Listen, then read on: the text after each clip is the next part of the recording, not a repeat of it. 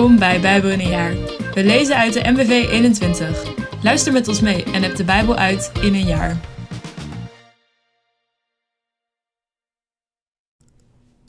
Goedendag, het is dag 24 van Bijbel in één jaar, de podcast.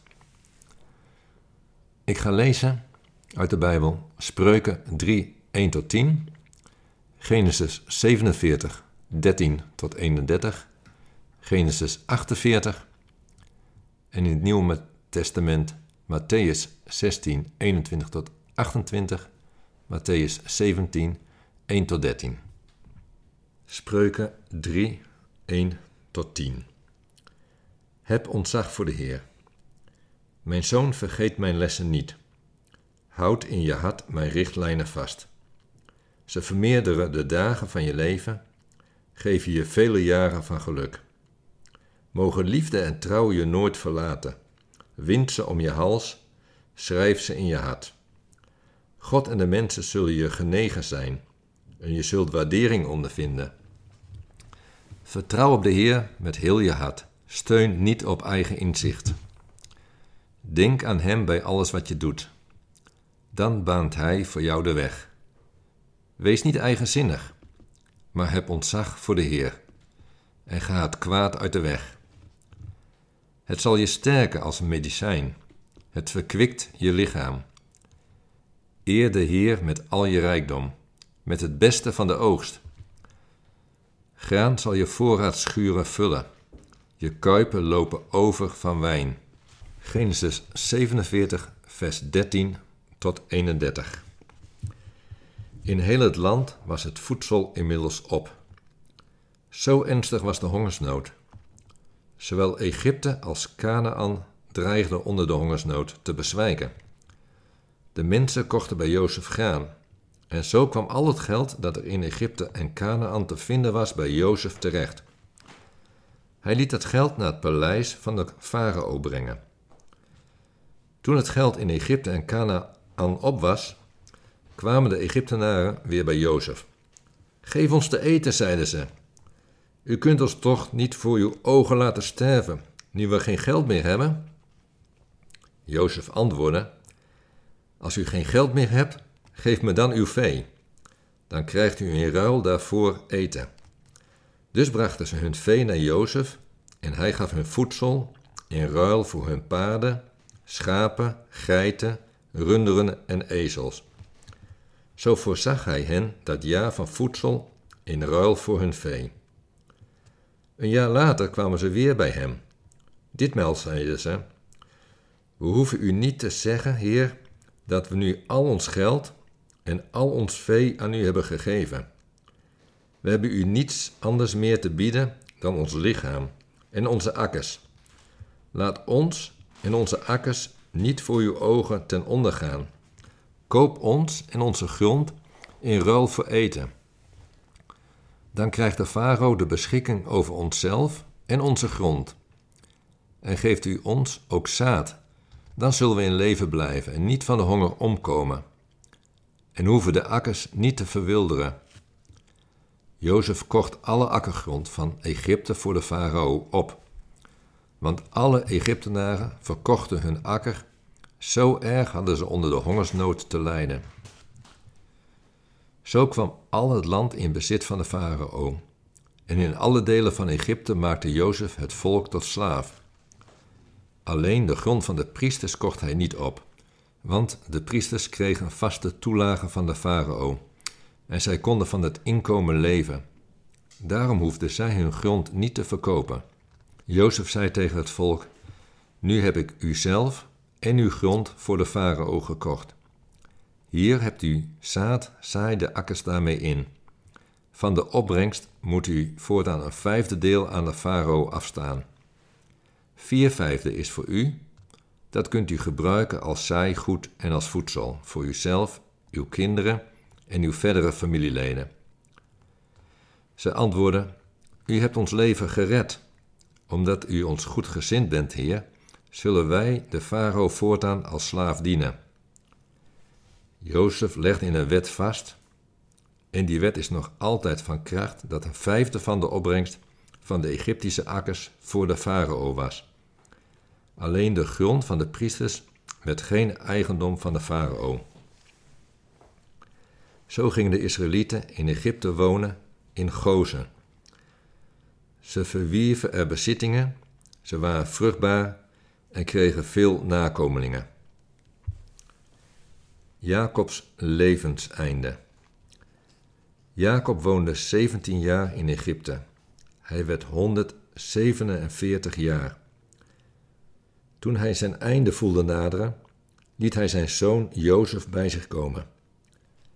Als je mij goed gezind bent, zei Israël, leg je hand dan onder mijn heup en geef mij blijk van je liefde en trouw. Zweer dat je me niet in Egypte begraaft.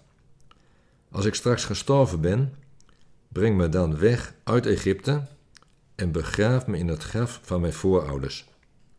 Jozef beloofde het. Zweer het mij, zei Israël. Jozef zwoer het hem. En daarna knielde Israël neer op het hoofdeinde van zijn bed. Genesis 48. Niet lang daarna ontving Jozef het bericht dat zijn vader ziek was. Samen met zijn twee zonen, Manasseh en Ephraim, ging hij naar hem toe. Toen men Jacob vertelde dat zijn zoon Jozef er was, verzamelde hij al zijn krachten en ging op de rand van het bed zitten. Hij zei tegen Jozef: God, de ontzagwekkende, is in Lus in Canaan aan mij verschenen en heeft mij daar gezegend. Hij heeft me gezegd: Ik zal je vruchtbaar maken en je veel nakomelingen geven. Er zal een groot aantal volken uit je voortkomen, en dit land zal ik jouw nakomelingen voor altijd in bezit geven. Welnu, de twee zonen die jij in Egypte hebt gekregen, voordat ik hierheen kwam, zullen als mijn eigen zonen gelden. Ephraim en Manasseh stel ik op één lijn met Ruben en Simeon. Maar als je na hen nog meer kinderen verwekt, dan zullen die als de jouwe worden beschouwd. Zij krijgen grondbezit in het stamgebied van hun broers. Zo wil ik het. Want na mijn terugkeer uit Padan is Rachel tot mijn verdriet gestorven op onze tocht door Canaan. Het was toen nog maar een uur of twee naar Efrat, en ik heb haar daar langs de weg naar Efrat begraven. Efrat is het huidige Bethlehem. Toen viel Israëls oog op Jozefs zonen en hij vroeg: Wie zijn dat? Jozef antwoordde zijn vader: Dat zijn mijn zonen, die God mij hier gegeven heeft. Laat ze toch dichterbij komen, zei Israël. Dan zal ik hen zegenen. Doordat Israël al oud was, waren zijn ogen dof geworden. Hij kon niet goed meer zien. Toen Jozef zijn zonen dichter naar hem toe had gebracht, kuste en omhelsde Israël hen. Ik had niet gedacht dat ik jou ooit nog zou terugzien, zei hij tegen Jozef. Maar God heeft mij zelfs je nakomelingen laten zien. Jozef liet zijn zonen, die tegen Israëls knieën stonden, wat opzij gaan en boog zich diep voor hem neer. Daarna bracht hij hen beiden weer dicht bij zijn vader. Aan zijn rechterhand had hij Ephraim, die hij links van Israël plaatste. En aan zijn linkerhand had hij Manasseh, die hij rechts van hem plaatste.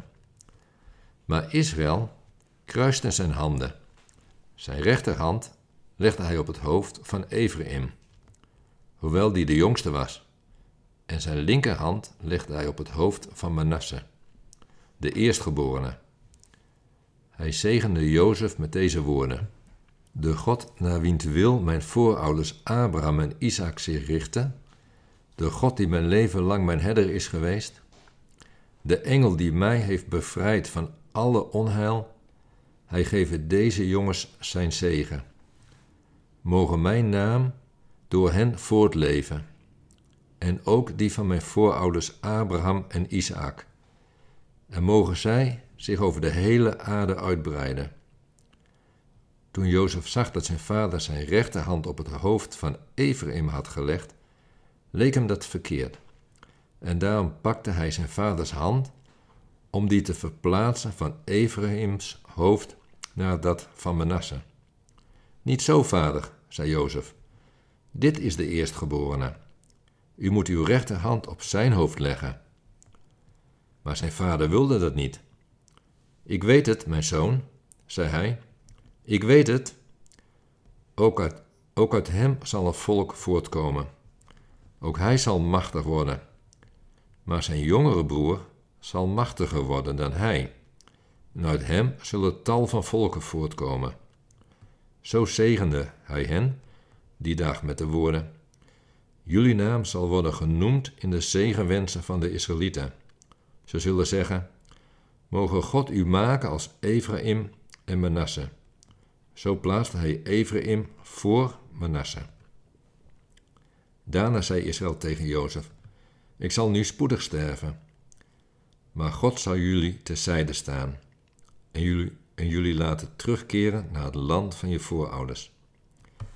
En jou geef ik meer dan je broers, een bergrug die ik de Amorieten met mijn zwaard en boog afhandig heb gemaakt. Matthäus 16, vers 21 tot 28. Vanaf die tijd begon Jezus zijn leerlingen duidelijk te maken dat hij naar Jeruzalem moest gaan en veel zou moeten lijden, door toedoen van de oudsten, de hoge priesters en de schriftgeleerden, en dat hij gedood zou worden, maar op de derde dag uit de dood zou worden opgewekt. Petrus nam hem terzijde en begon hem fel terecht te wijzen. God verhoede het, Heer, dat zal u zeker niet gebeuren. Maar Jezus keerde hem de rug toe met de woorden: Ga terug, Satan, achter mij. Je bent een valstrik voor me. Je denkt niet aan wat God wil, maar alleen aan wat de mensen willen. Toen zei Jezus tegen zijn leerlingen: Wie achter mij aan wil komen, moet zichzelf verloochenen, zijn kruis op zich nemen en mij volgen. Want ieder die zijn leven wil behouden, zal het verliezen. Maar wie zijn leven verliest omwille van mij, zal het behouden. Wat heeft een mens eraan de hele wereld te winnen als dat ten koste gaat van zijn leven? Wat kan hij geven in ruil voor zijn leven? Wanneer de mensenzoon komt in gezelschap van zijn engelen en bekleed met de stralende luister van zijn vader, dan zal hij iedereen naar zijn daden belonen. Ik verzeker jullie, sommige van de hier aanwezigen zullen de dood niet ervaren voordat ze de mensenzoon en zijn koninklijke heerschappij hebben zien komen. Matthäus 17, vers 1 tot 13. Een stem uit de hemel. Zes dagen later nam Jezus Petrus, Jacobus en diens broer Johannes met zich mee een hoge berg op, waar ze alleen waren. Voor hun ogen veranderde hij van gedaante. Zijn gezicht straalde als de zon, zijn kleren werden wit als het licht. Plotseling verschenen aan hen Mozes en Elia, die met Jezus in gesprek waren. Petrus nam het woord en zei tegen Jezus: Heer, het is goed dat wij hier zijn. Als u wilt, zal ik hier drie tenten maken: één voor u, één voor Mozes en één voor Elia. Hij was nog niet uitgesproken of een straalde wolk overdekte hen. En uit de wolk klonk een stem: Dit is mijn geliefde zoon in hem vind ik vreugde. Luister naar hem. Toen de leerlingen dit hoorden, werden ze overvallen door een hevige angst en wierpen ze zich te aarde. Jezus kwam dichterbij, raakte hen aan en zei: Sta op, wees niet bang. Ze keken op en zagen niemand meer, Jezus was alleen. Toen ze de berg afdaalden, gebood Jezus hun: Praat met niemand over wat jullie hebben gezien, voordat de mensenzoon uit de dood is opgewekt. De leerlingen vroegen hem: Waarom zeggen de schriftgeleerden dat Elia eerst moet komen? Hij antwoordde: Elia komt inderdaad en herstelt alles. En ik zeg jullie dit: Elia is al gekomen, maar in plaats van hem te erkennen, hebben ze met hem gedaan wat ze wilden. Zo zal ook de mensenzoon door hun toedoen moeten lijden. Toen begrepen de leerlingen dat hij op Johannes de Doper doelde. Fijn dat je geluisterd hebt. Heb een mooie dag. Dag.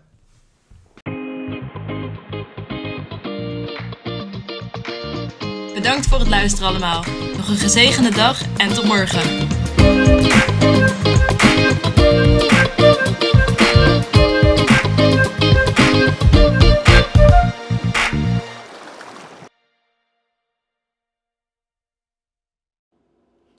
Met dank aan het Nederlands-Vlaams Bijbelgenootschap voor het gebruik van de MBV 21.